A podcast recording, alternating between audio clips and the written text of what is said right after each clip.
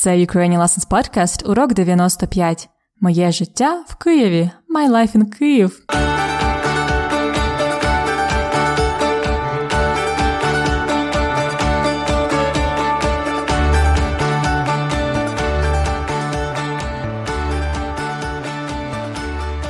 Добрий день! Вітаю вас на подкасті Уроки української. Мене звати Анна, і ви слухаєте епізод номер 95. Це урок повторення. Останнім часом на подкасті ми слухаємо розмови американки Крістін, яка стала в Україні Христиною. Вона переїхала в Київ і потрохи пізнає там українське життя. За минулі три тижні Христина побувала і на блошиному ринку, і на ярмарку, і в піцерії, тому їй є що розказати своїй мамі в Америці. Тож сьогодні ви зможете послухати її голосове повідомлення мамі про життя в Києві. І напевно у тому повідомленні ви почуєте слова, фразеологізми та граматичні форми, які ми вивчали на останніх чотирьох уроках. А також на вас, як завжди, чекають дієслово дня, фразеологізм дня і культурний факт. То ви готові до уроку повторення? Before we start, a short introduction in English too.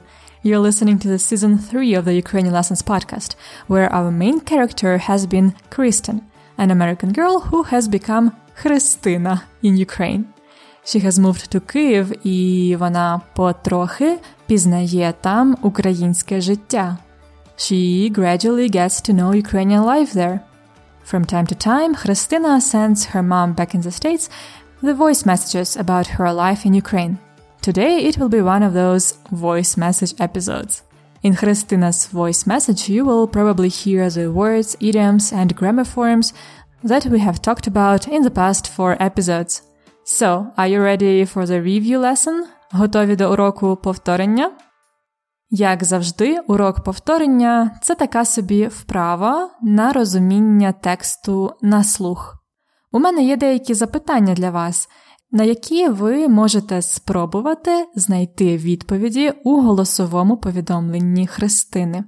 Спочатку послухайте, будь ласка, запитання, тоді голосове повідомлення, а потім я дам можливість відповісти на запитання і почути мою відповідь. Також, якщо у вас є конспект уроку, ви можете записати свої відповіді на запитання туди. Отже, запитання сьогодні такі. Номер 1. Де Христина купує продукти тепер? Продукти products, meaning food. Де Христина купує продукти тепер? Зараз. Запитання 2. Коли в Христини на районі проводять ярмарки? Ярмарки fairs. Пам'ятаєте? Ярмарки. Коли в Христини на районі in her neighborhood проводять ярмарки? Питання 3. Який фрукт Христина скуштувала вперше в Україні? Скуштувала tried вперше for the first time. Maybe you remember this one from the previous episodes. Який фрукт Христина скуштувала вперше в Україні? Запитання 4. Що приготувала Христина на вихідних? What did she приготувала cook на вихідних? Запитання 5. Чим Христина пригостила Лесю? І чим Леся пригощає Христину? Угу. Чим це орудний відмінок від слова що? Instrumental of what. So, with what does Христина treat Леся? And with what does Леся usually treats Христина? Чим Христина пригостила Лесю?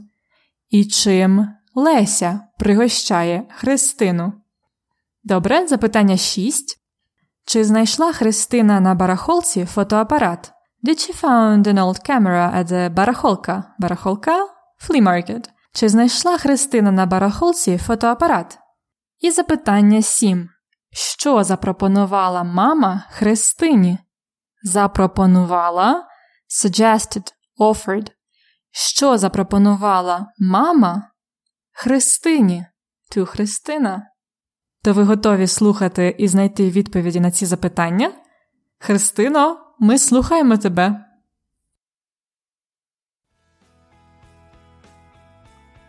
Привіт, матусю! Як у тебе справи? як здоров'я? Сподіваюся, все добре. Тут час летить так швидко, осінь уже майже пролетіла. Я потроху вивчаю Київ, організовую свій побут. Леся мені в цьому дуже допомагає.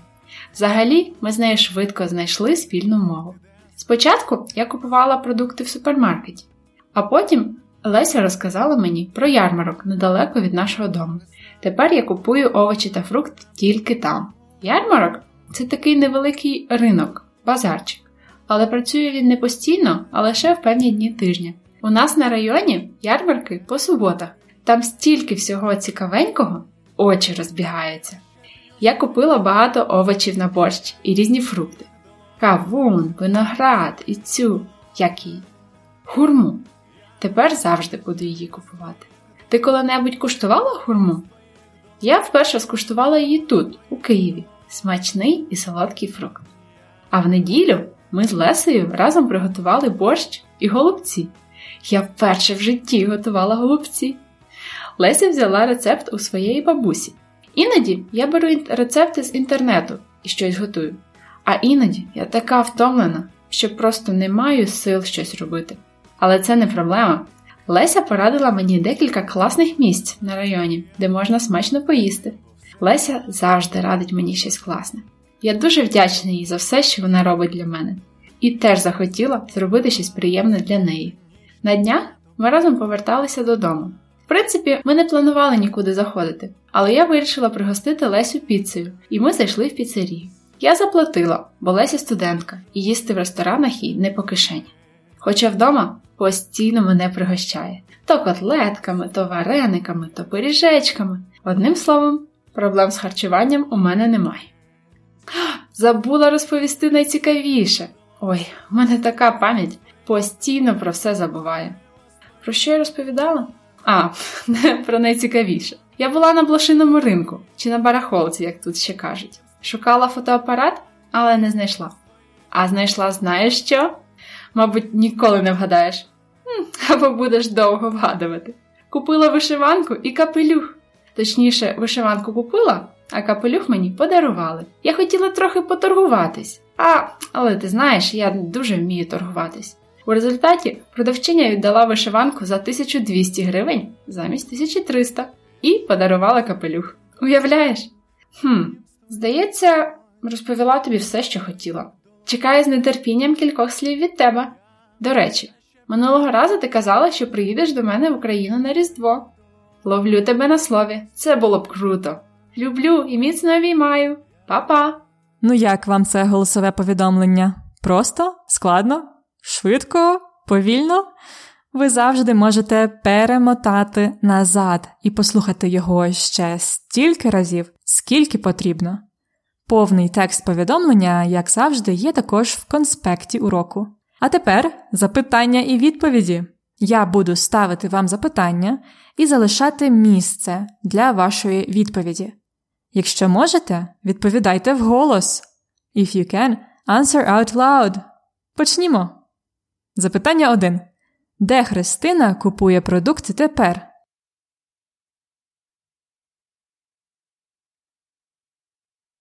То де Христина купує продукти тепер? Христина купує продукти на ярмарку. Раніше вона купувала овочі і фрукти в супермаркеті, але за порадою Лесі вона спробувала купити продукти на ярмарку. Їй сподобалось. Тепер вона завжди буде купувати свіжі фрукти та овочі на ярмарку. Добре?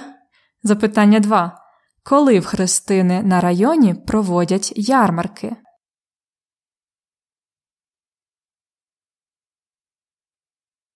То коли проводять ярмарки? Ярмарки у Христини на районі проводять по суботах або щосуботи every Saturday. So we say either по плюс locative plural по суботах, по неділях, по понеділках це місцевий відмінок множини. По-іншому можна також сказати щосуботи, щонеділі, щопонеділка. It's one word. It means every Saturday. The same щодня, every day. Щодня. Отже, ярмарки у Христини на районі проводять щосуботи.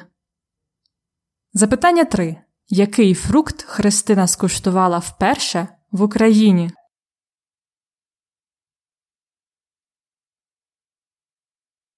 То який це був фрукт? Христина вперше скуштувала хурму.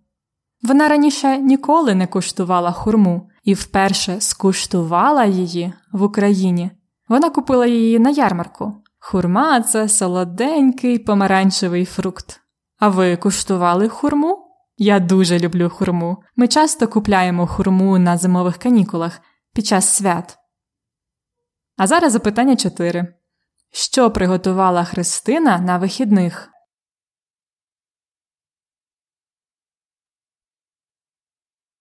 На вихідних Христина приготувала борщ і голубці. Борщ і голубці. Вона ніколи раніше не готувала голубці і вперше приготувала їх на вихідних. Леся взяла рецепт у бабусі. А взагалі Христина іноді бере рецепти в інтернеті і щось готує. Взяла, бере, пам'ятаєте різницю? Imperfective, perfective. Запитання 5. Чим Христина пригостила Лесю? А чим Леся пригощає Христину?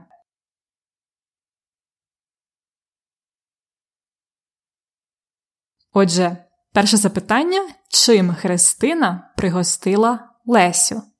Христина пригостила Лесю піцею. Пригостити ким чим орудний відмінок. А чим Леся пригощає Христину? Леся часто пригощає Христину котлетками, варениками, пиріжками. Теж орудний відмінок, але множини. Отже, Христина пригостила Лесю піцею. Це минулий час, доконаний вид perfective. А Леся часто пригощає Христину котлетками. Це пригощає, це буде у нас uh, imperfective, недоконаний вид, теперішній час. Добре. Як бачите, в Україні ми любимо пригощати чимось смачненьким. А зараз запитання 6. Чи знайшла Христина на барахолці фотоапарат?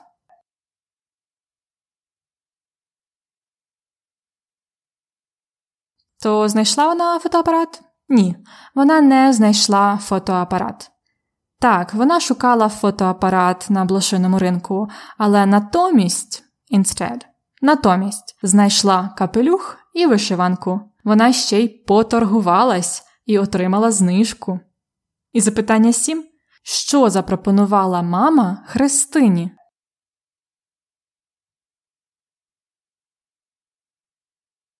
То що вона запропонувала? Мама запропонувала Христині приїхати в Україну на Різдво. She suggested to come to Ukraine for Christmas. Вона запропонувала приїхати в Україну на Різдво. Гарна ідея, правда? Христина сказала: Ловлю тебе на слові. Це було б круто. It could be awesome. І наприкінці Христина каже дуже теплі слова: Люблю і міцно обіймаю. Ось так проходять звичайні дні Христини в Києві. Вона дізнається багато цікавого, пробує щось нове, куштує щось нове. У наступних епізодах ми послухаємо більше маленьких історій про Христину, а також про Лесю та інших персонажів. А поки що пропоную вам послухати ще раз повне голосове повідомлення. Готові?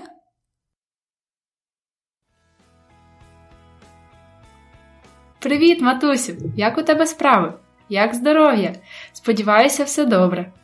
Тут час летить так швидко, осінь уже майже пролетіла.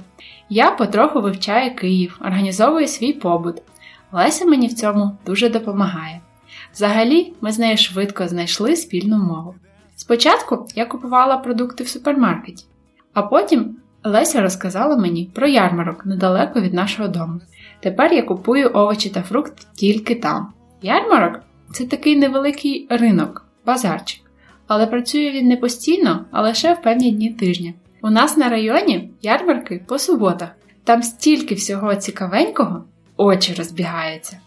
Я купила багато овочів на борщ і різні фрукти.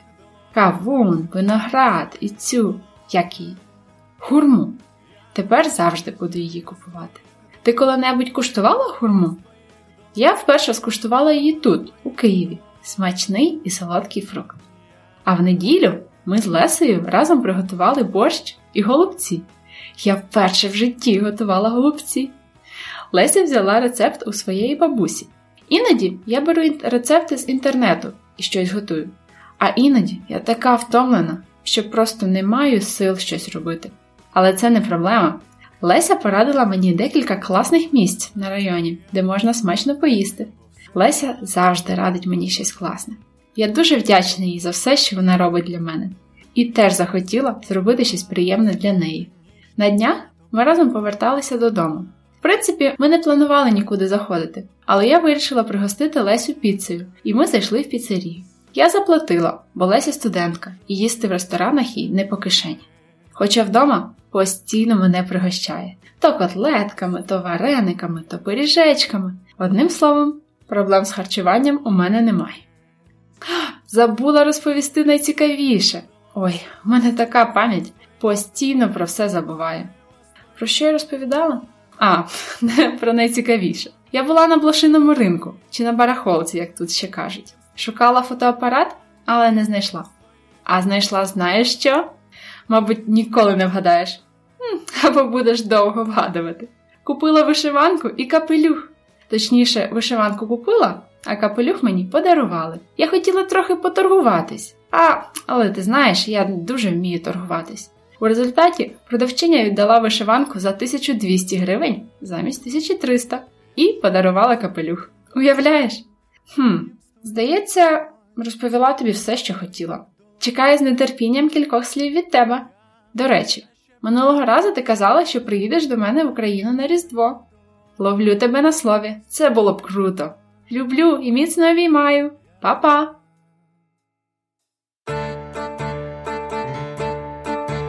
Дієслово дня. Послухайте уривок з голосового повідомлення з дієсловом дня. Христина говорить, що не знайшла на барахолці фотоапарат. А знайшла знаєш що? Мабуть, ніколи не вгадаєш. Або будеш довго вгадувати. А знайшла знаєш що? Мабуть, ніколи не вгадаєш, або будеш довго вгадувати. You will never guess or you will be guessing for a long time. Дієслово дня вгадувати. Доконаний вид вгадати. Вгадувати або угадувати, вгадати. Означає або to guess, to try to guess, or it, it could mean also to guess right. For example, вгадай, що в мене є. Guess what I have. Не вгадав. You haven't guessed it right. Your guess is wrong. Не вгадав. Or вгадав. You're right.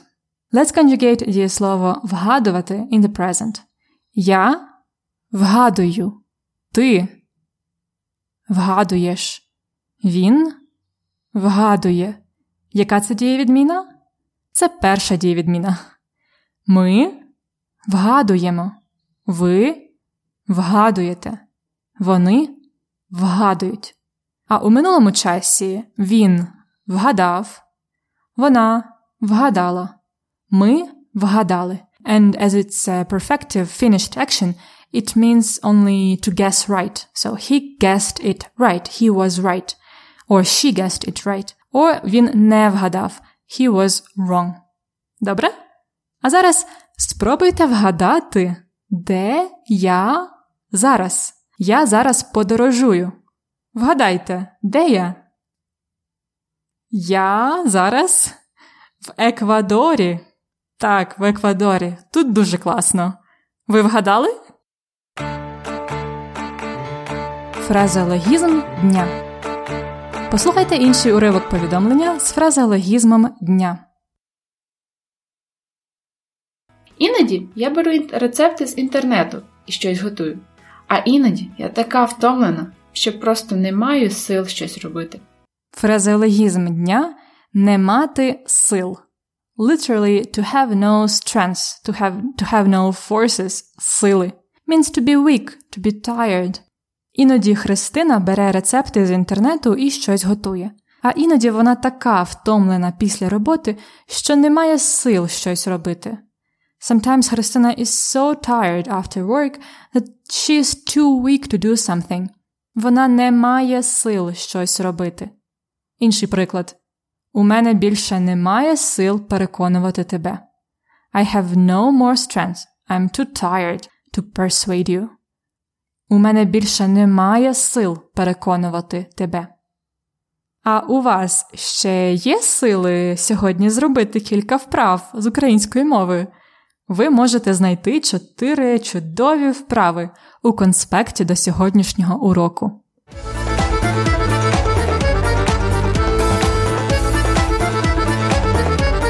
Культурний факт на подкасті. Чи варто торгуватися в Україні? Should you bargain in Ukraine? In some cases, you should. Of course, you won't bargain at the supermarkets or shopping malls, but let me tell you in which cases you must торгуватися, and in which cases you could торгуватися. So you must bargain your price for the taxi if you are getting a cab on the street.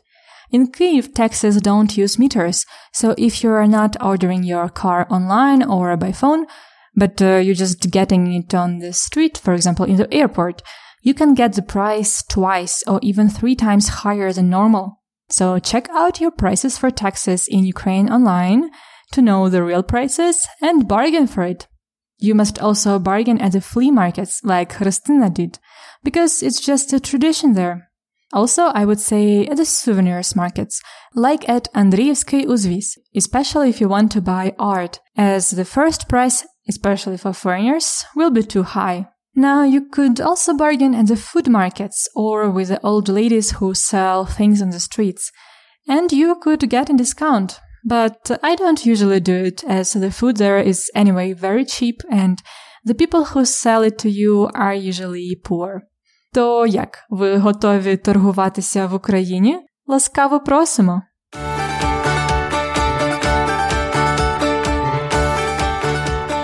І на цьому ми закінчуємо цей епізод повторення. На наступних уроках ви дізнаєтесь більше про Христину та її життя в Києві уже взимку.